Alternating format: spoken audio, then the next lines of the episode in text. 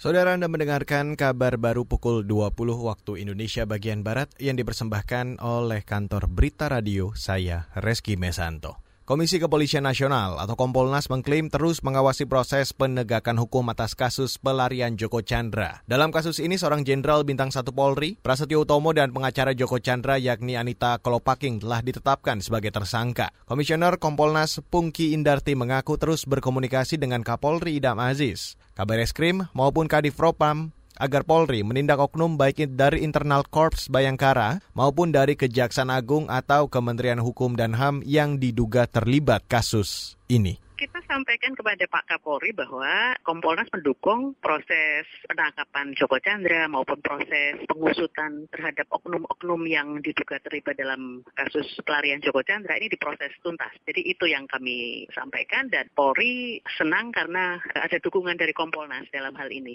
Komisioner Kompolnas Bungki Indarti mengapresiasi kinerja Polri yang sudah menetapkan Prasetyo Utomo sebagai tersangka. Namun Bungki juga meminta dilakukan pemeriksaan lanjutan terhadap bekas sekretaris NCB Interpol Nugroho Slamet Wibowo dan bekas Kadif Hubinter Napoleon Bonaparte terkait Red Notice Joko Chandra. Bukan hanya etik atau disiplin, melainkan pendalaman terhadap dugaan pidana menutup-nutupi pelarian Joko Chandra. Saudara, bekas komisioner Komisi Pemilihan Umum atau KPU Wahyu Setiawan dituntut 8 tahun penjara dan denda 400 juta rupiah subsidiar 6 bulan kurungan oleh Jaksa Penuntut Umum KPK. Sidang pembacaan tuntutan digelar hari ini di Pengadilan Negeri Tipikor, Jakarta. JPU KPK Takdir Suhan menyatakan Wahyu juga dituntut pidana tambahan berupa pencabutan hak untuk dipilih dalam jabatan publik selama empat tahun sejak yang bersangkutan selesai menjalani pidana pokok. JPU menyatakan Wahyu bersalah dalam kasus dugaan suap pergantian antar waktu anggota DPR RI periode 2019-2024. Yaitu hal-hal yang memberatkan dan yang meringankan sebagai berikut.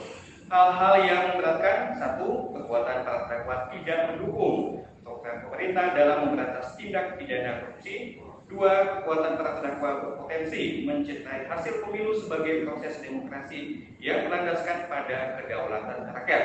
Tiga, para terdakwa telah menikmati keuntungan dari perbuatannya. Hal-hal yang meringankan, satu, para terdakwa bersikap sopan selama pemeriksaan di persidangan.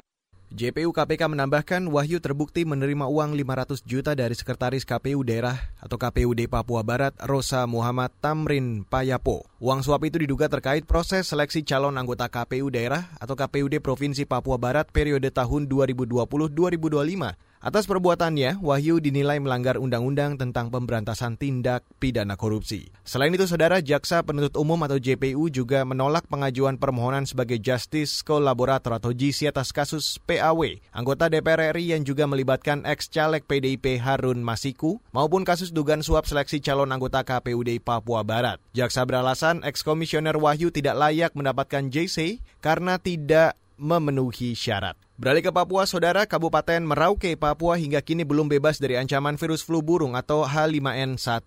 Kepala Bidang Kesehatan Hewan, Dinas Peternakan setempat Retno Palupi Handayani mengakui tak ada laporan unggas mati di sana, namun bukan berarti wilayahnya bebas flu burung. Kata dia, sejak Desember 2019 hingga awal Juli 2020, ada 68 ribu ayam milik peternak di Merauke mati karena flu burung untuk status bebas AI-nya, hmm. kami masih menunggu dari BBVET Maros melakukan surveillance kembali. Oh. Ketika tiga bulan kemudian tidak ada lagi ditemukan kasus uh, eh, AI lagi, hmm. maka kita bisa dinyatakan bebas.